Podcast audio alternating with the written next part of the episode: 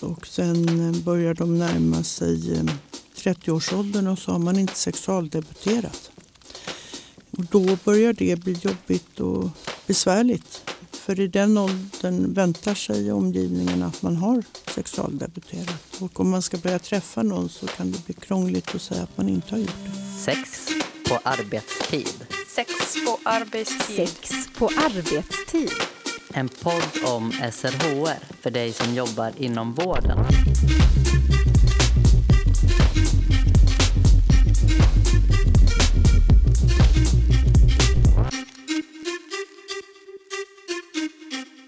Hur sugen är man egentligen på att ha sex när man är deprimerad? När man inte orkar någonting, saknar aptit och har svårt att sova? I dagens avsnitt pratar vi om sex och depression. Om sexuell lust, orgasmsvårigheter och läkemedelsbiverkningar. Sex på arbetstid har bjudit hit Cecilia Deine som är psykiater, klinisk sexolog och sexualmedicinare på Anova i Stockholm. Jag heter Jenny Fusé och det är jag som gör programmet tillsammans med Anna Skoglund. Välkommen hit Cecilia. Vi är jätteglada över att ha dig här eftersom du är expert på sex och psykisk ohälsa. Är man sexuell överhuvudtaget när man mår psykiskt dåligt? Det kan vara väldigt olika. Ehm, en del, för en del personer ehm, reagerar med att sexualiteten blir avstängd eller ja, att man inte känner den.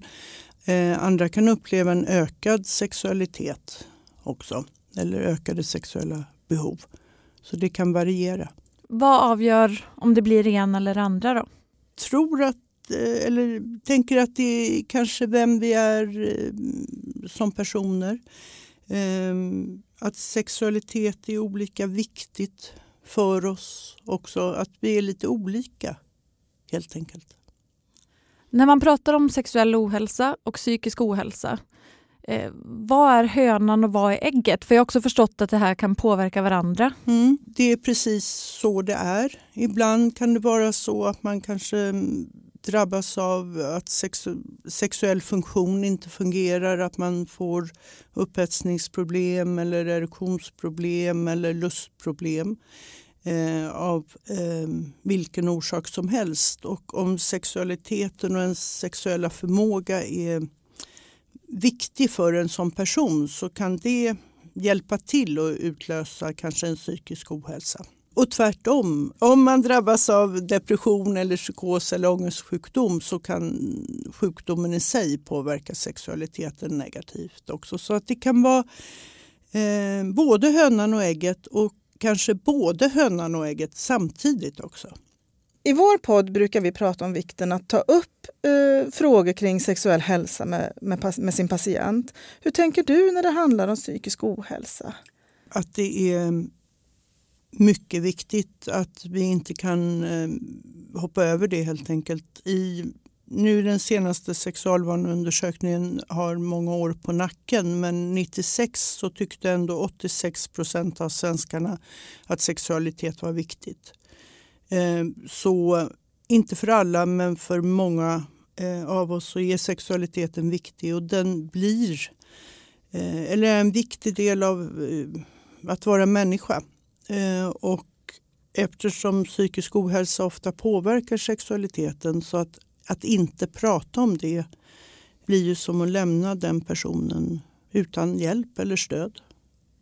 Eller information. Om man drabbas av en depression och till den får låg lust som är vanlig symptom vid depression. Om man då inte får information om att det här kan vara ett depressionssymptom då kanske man börjar fundera på om det är något annat. Man kan oroa sig för att man har någon annan sjukdom. Har man en partner eh, så kanske man inte vill ha sex med den partnern längre och då kan partnern börja oroa sig att det är någonting som är inte bra i vår relation och sen får de här en relationskonflikt helt i onödan. Vad, vad är det man ska ta upp då när man tar upp det här med någon som söker för psykisk ohälsa? Man ska berätta att många psykiska tillstånd också har sexuella symptom och att det är symptom på sjukdomen i sig. Eh, och när man mår bättre och eh, har fått behandling så brukar de lägga sig.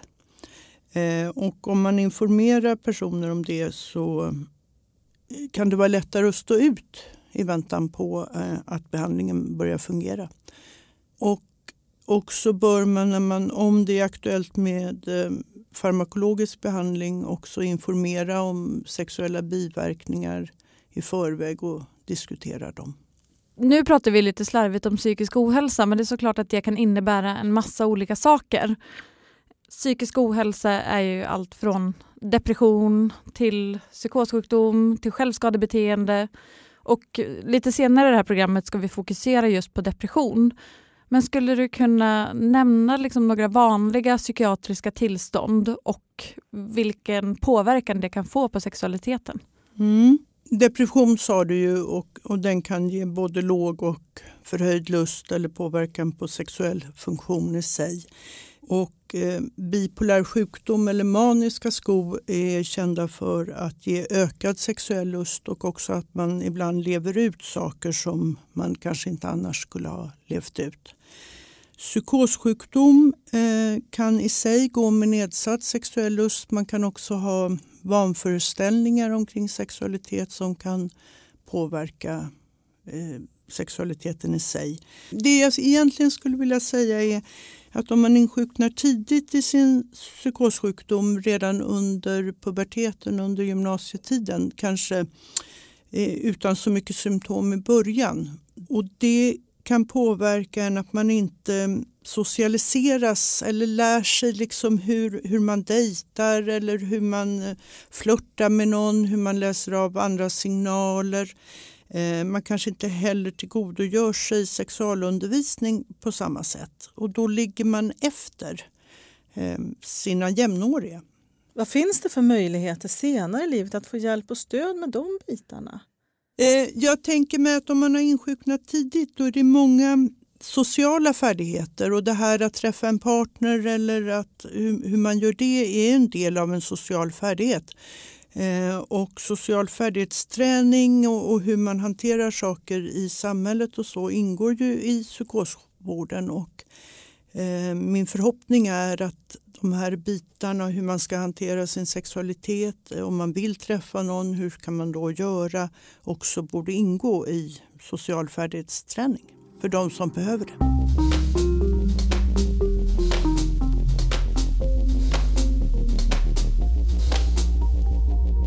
Eh, idag tänkte vi prata lite extra om depression. Eh, det är ju ändå vad man brukar kalla en folksjukdom, att var femte person får någon gång i livet en depression. Hur påverkar depressionen i sig sexualiteten?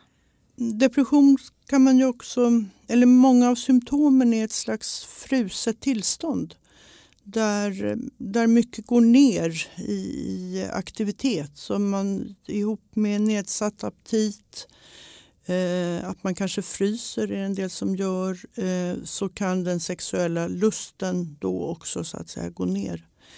Eh, för vissa eh, kan det yttra sig också att man har svårt att bli upphetsad, att man eh, inte blir våt eller att man tappar sin erektion.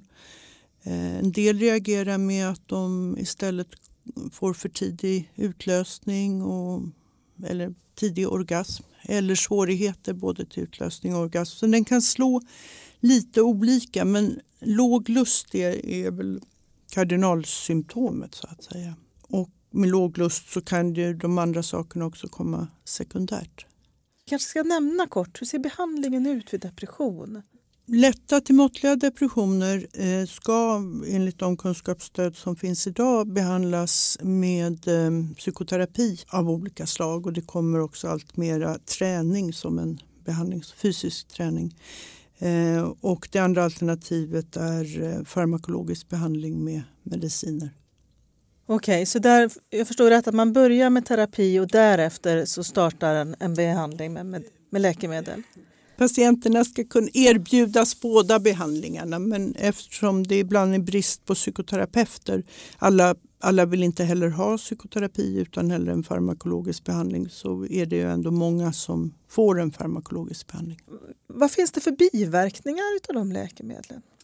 Kopplat till sexualitet? Mm. Den eh, vanligaste använda, eller den vanligaste grupp använda antidepressiva läkemedel som brukar kallas SSRI eh, har eh, i stor utsträckning sexuella biverkningar. Det de gör allra mest uttalat är att sänka orgasm och utlösningsförmåga. Eh, men de kan också slå på sänka lust i sig och eh, göra det svårare att bli upphetsad eller få erektion. Jag tänker att vi ska prata lite om de här olika eh, sexuella biverkningarna som man kan få. Både som jag förstår av diagnosen i sig men också av läkemedlen. Eh, om man träffar en patient som då har en nedsatt lust, vad kan man göra då?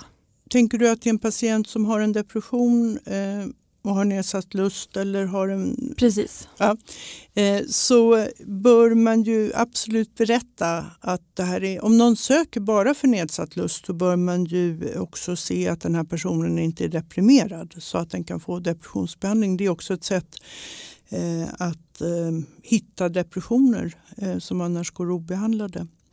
Och om det är en depression så bör man informera patienten om att om den inte haft låg lust hela livet och det här är en del av, av eh, långvarig problematik så bör ju patienten informeras om att den låga lusten beror på depressionen och när depressionen är läkt så kommer lusten tillbaka. Det här med orgasmsvårigheter, då, vad kan man göra då?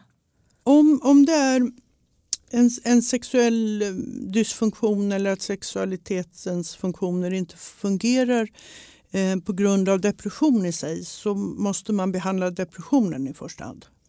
Eh, om det är så att man också har fått läkemedel som har, alltså att det är kanske en kombination av en depression som ger sexuella symptom och ett läkemedel som också ger en sexuell biverkan.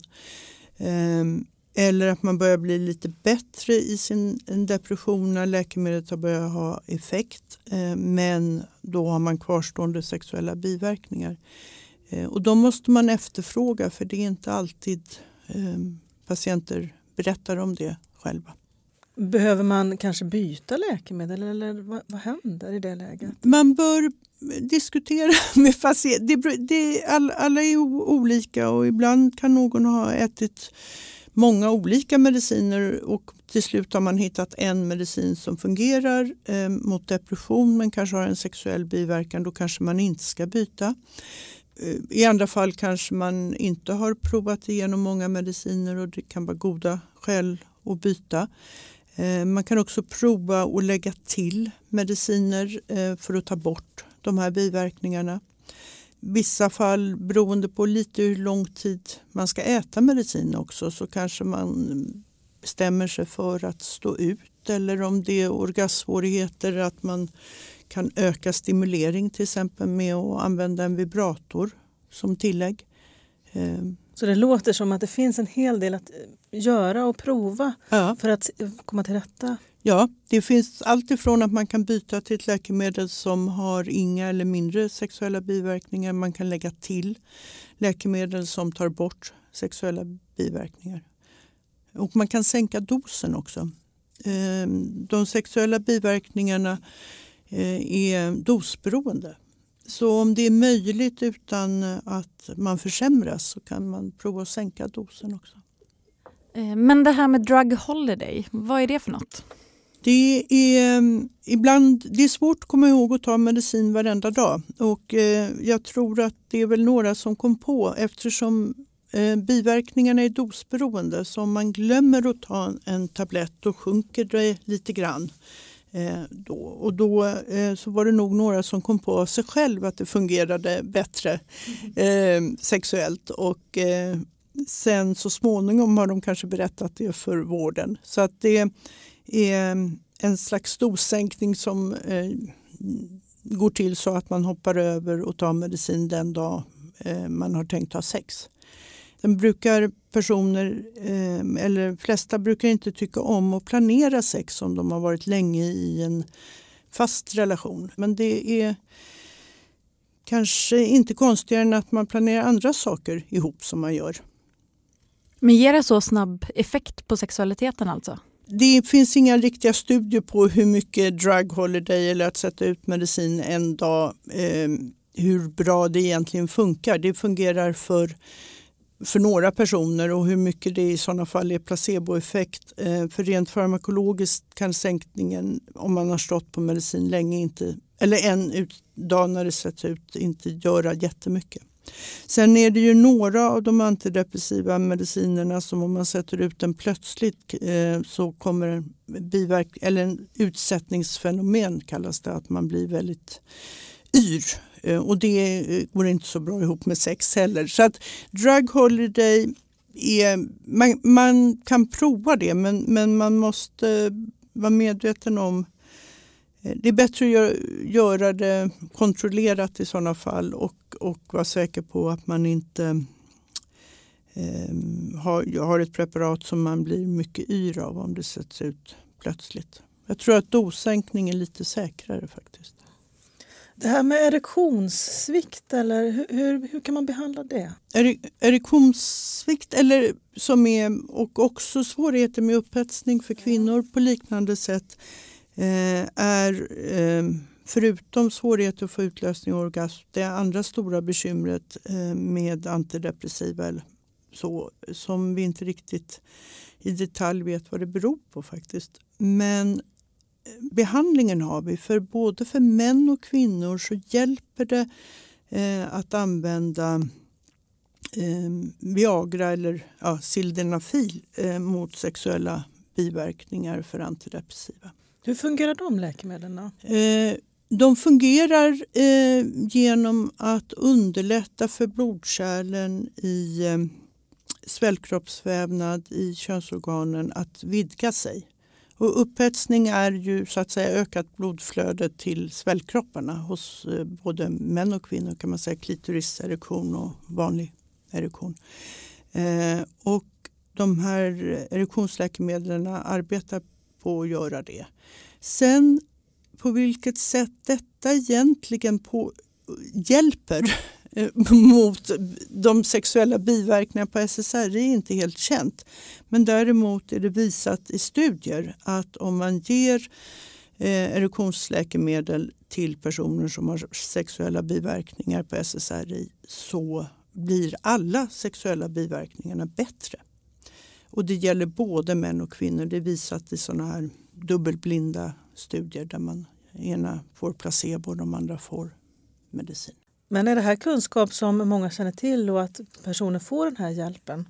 Jag tror inte den är jättekänd. Ehm, för vi, träff, vi får ju ibland patienter hänvisade till oss och med, med ehm, där, där ehm, den psykiatriska mottagningen vill ha hjälp med sexualiteten eller sexuella biverkningar.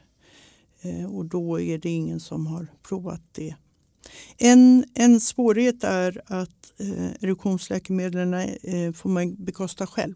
Men om jag har fattat saken rätt, eh, Viagra-liknande läkemedel funkar gällande upphetsning för alla kön som tar ja, SSRI? och kan också Ehm, är visat, inte bara för upphetsning utan för en variabel sexuell tillfredsställelse. Alltså en bred variabel där man tänker sig att det, det ingår både upphetsning och orgasmförmåga. Och så. så ett globalt mått att bättre sexuell tillfredsställelse.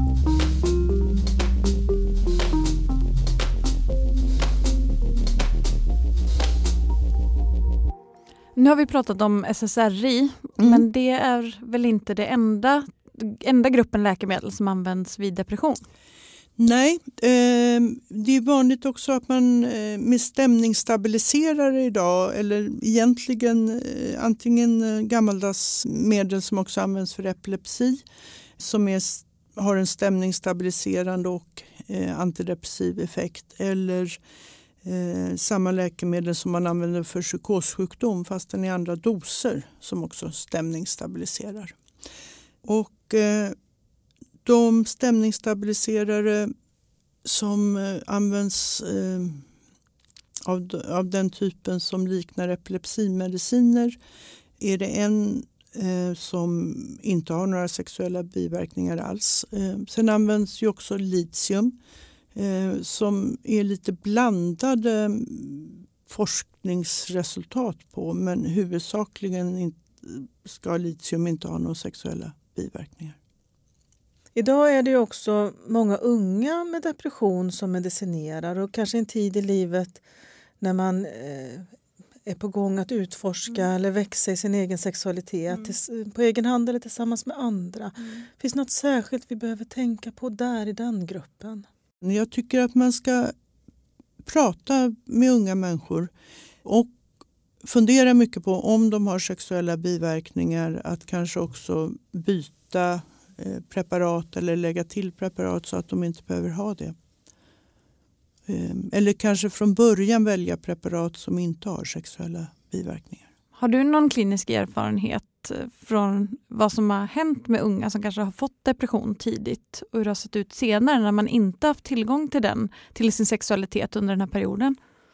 Jag har träffat eh, personer som då ja, var varit eh, 20-25 eh, eller kanske närmare, börjar närma sig 30 som under eh, sina gymnasieår och, och tidiga Eh, år därefter har varit deprimerade, antingen obehandlade eller med läkemedelsbehandling. Och det här har gjort att de eh, inte har vågat dejta för att de har upplevt låg lust eller eh, har framförallt rört sig om killar. Men eh, låg lust eller erektionsproblem som har kopplat och sen börjar de närma sig 30-årsåldern och så har man inte sexualdebuterat. Och då börjar det bli jobbigt och besvärligt. Och hur ska man, för i den åldern väntar sig omgivningen att man har sexualdebuterat. Och om man ska börja träffa någon så kan det bli krångligt att säga att man inte har gjort det. Vad brukar du säga till de patienterna? Eh, de brukar få en psykoterapeutisk eh, behandling hos våra psykoterapeuter som jobbar med ehm, det vi kallar social sexual skills, alltså hur, hur man kan träffa någon, hur man eh, också skulle kunna förklara en sån här sak. Vi kan prata vidare kring det där med om man väl har träffat någon mm. och hur relationen kan påverkas eh, när en eh, i relationen inte mår bra och har en depression. Mm. Vår naturliga reaktion när någon inte mår bra eh, är ju att vara hjälpsamma och omhändertagande. Det, så brukar vi göra. Eh, och det är inte alltid den som är deprimerad och inte de som är omkring förstår att det här handlar om en depression. För att vara snäll, omhändertagande och hjälpsam hjälper om man är lite nere. Men har man utvecklat en depression så mår man bra av de här sakerna men det läker inte depressionen. Eh, och då upplever den som gör all den här omsorgen och försöker muntra upp någon och så eh, att den deprimerade personen är otacksam. Vad jag än gör och försöker hjälpa dig så, så är du fortfarande lika deprimerad. Eh, och har den här personen också då eh, låg lust eh, till följd av sin depression så kanske den drar sig undan sexuellt också. Och då kan en partner bli orolig och tänka att det är en sur person som inte mår bra. Till depression hör ju också hjärnan kidnappas lite med negativa tankar om, om sig själv och andra. Eh, så vad man än säger så, så kommer så att säga negativa svar tillbaka för man ser sig själv och andra i mer negativ dager. Och då eh, kan det här bli tungt för relationen, kombinationen. Så det är viktigt att vi också tänker på partnern hos deprimerade patienter och att de eh, får information om att de omsorger och, det de gör för sin partner eh, är viktigt. Men, och att partnern inte mår bättre beror inte på att det är något fel på omsorgen utan att en depression behöver behandlas eh, antingen med terapi eller medicin. Hur kan man involvera partnern i behandlingen? Bra är om partnern kan komma med på besök. Kanske uppföljningsbesök. Det är det absolut bästa. Eh, om det inte går, eh, att man pratar med patienten om att prata med partnern. Eh, det finns också på vissa mottagningar att man har anhörigprogram eller psykoedukativa inslag både för patienter och anhöriga. Och där är de här viktiga delar som måste ingå. Eh, brukar patienter spontant ta upp funderingar och frågeställningar när det handlar om sin sexualitet? Lite mer idag. Och patienter brukar i lite större utsträckning prata om sexuella biverkningar eh, än tidigare. Men det är fortfarande väldigt många som eh, inte tar upp eh, sexuella problem. Och det är inte säkert att man som patient heller förstår att det sexuella problemet kan hänga ihop. Så man tycker inte det är relevant och sen eh, tycker man att det är pinsamt. Eh, sen känner patienter av eh, behandlare väldigt väl. De, de flesta patienter liksom känner om man har tid som läkare och lyssna på dem om det är några frågor som man kanske inte bör ta upp. Man känner av att, att behandlaren inte vill att man ska ta upp det här. Varför vill inte behandlaren det? Behandlaren kan vara orolig för eh, att det också blir pinsamt eller inte veta hur man ska fråga på ett bra sätt. Och behandlaren kan vara rädd för att om det här kommer upp så kanske det kom, så kommer jag in på områden som jag inte kan och då vet jag inte hur jag ska fråga vidare eller hjälpa patienten. Så Eh, de flesta inom vården eh, tycker om att hjälpa andra personer och vill göra väl och gott. Om man inte känner sig trygg eller säker med att man kan göra det så det här är ju inte medvetet men så kan man omedvetet låta bli att ta upp vissa saker därför att eh, man inte vet hur man ska kunna gå vidare sen. Vad skulle behövas, tänker du, för att vårdpersonal skulle våga och kunna ta upp frågor kring sexualitet? Jag tänker att eh, sexologi och sexualmedicin måste ingå i alla vårdutbildningar. Eh, på sjuksköterskeprogram, läkarprogram, psykologprogram, socionomprogram. Och det gör det inte idag.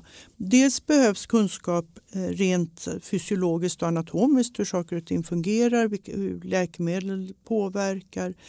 Eh, men sen behövs också träning i hur man pratar om sexualitet. Och det får man eh, i mycket liten utsträckning göra.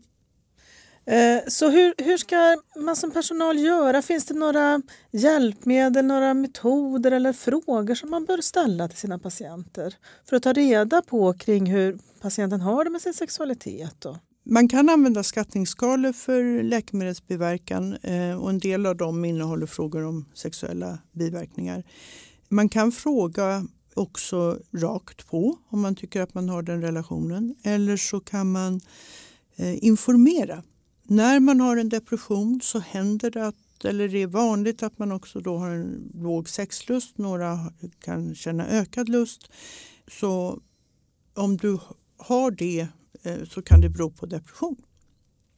Och sen kan man vara tyst och då kan mer frågor komma. Eller när man står på det här läkemedlet så är det vanligt att man har sexuella biverkningar. Är det någonting som besvärar dig? När du ställer en fråga rakt på, vad frågar du då? Då, då säger jag nog precis så.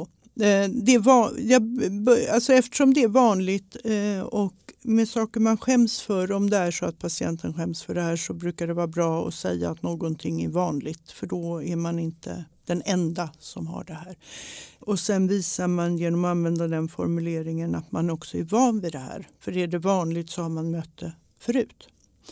Eh, så då inger man lite trygghet i meningen. Så jag brukar säga eh, det är vanligt när man har eh, det här tillståndet att man också har sexuella biverkningar på den medicinen eller till följd av den sjukdomen.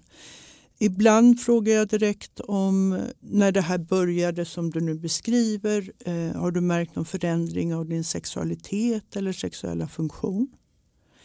Eh, skulle patienten eh, då känna att de inte vill svara på det eller att man, ja, man är fel person eller inte känner sig bekväm så tänker jag att de lätt i sådana fall man behöver inte vara rädd för att, patient, att man tränger sig på patient för mycket. Utan då kan patient säga nej. Och är det så att patient vill eh, ta upp det med en så, så är det en bra ingång så att säga. Finns det en vinst med att, att ta upp och ställa den, en sån fråga vid ett senare tillfälle ifall patienten säger nej första gången?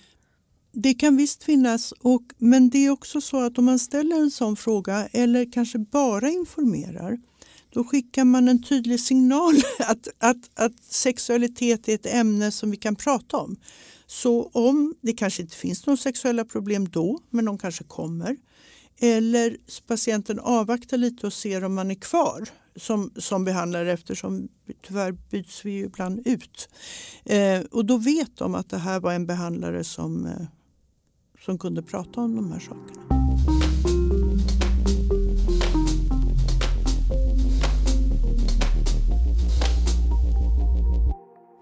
Alltså, ju mer vi pratar, eh, desto mer förvirrad blir jag på ett sätt. För att hur vet man liksom vad som handlar om läkemedlen i sig och vad som handlar om depressionen i sig? Eh, det kan man inte alltid veta, eh, utan det kan vara båda. Men om, man, om någon fortfarande eller om någon fortfarande är deprimerad, om läkemedlet inte verkar ta på de andra depressionssymptomen och det är sexuella symptom.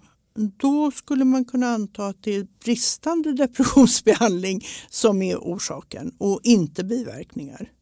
Eh, om patienten är något förbättrad i sin depression men sexualiteten eh, ger bekymmer, då skulle man mer kunna tänka sig biverkningar. Och ibland kan man inte 100% veta och då får man eh, prova att antingen behandla depressionen mer effektivt eller behandla biverkningarna så att säga. Och sen eh, prova det ena och går inte det så får man tänka om. Brukar det bli bra då? Det brukar bli bra och det, det är förvånansvärt lätt att, att, så att säga, hantera de sexuella biverkningarna. Antingen med tilläggsmedicinering av olika slag, eh, antingen erektionsläkemedlen eller andra antidepressiva som man kan lägga till.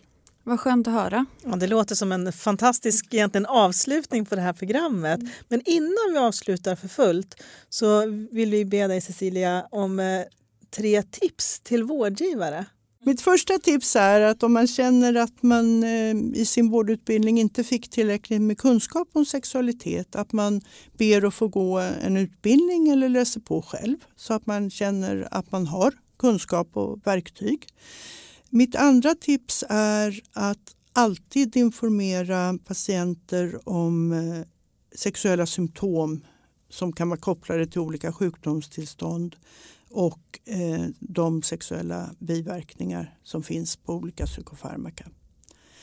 Och mitt tredje tips är att bara man kommer igång och pratar med patienter om de här sakerna så går det bara lättare och lättare och lättare.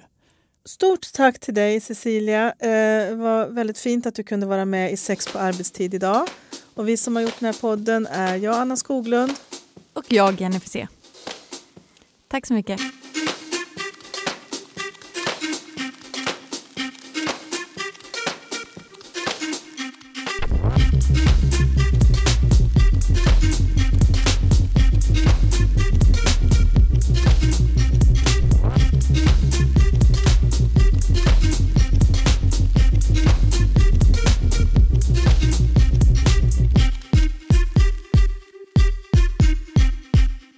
Hört Sex på arbetstid. En podd av och med Jennifer C, Elin Klingvall och Anna Skoglund på Närhälsan Kunskapscentrum för sexuell hälsa, en del av Västra Götalandsregionen. Podden finns på närhälsan.se ksh och srhr.se.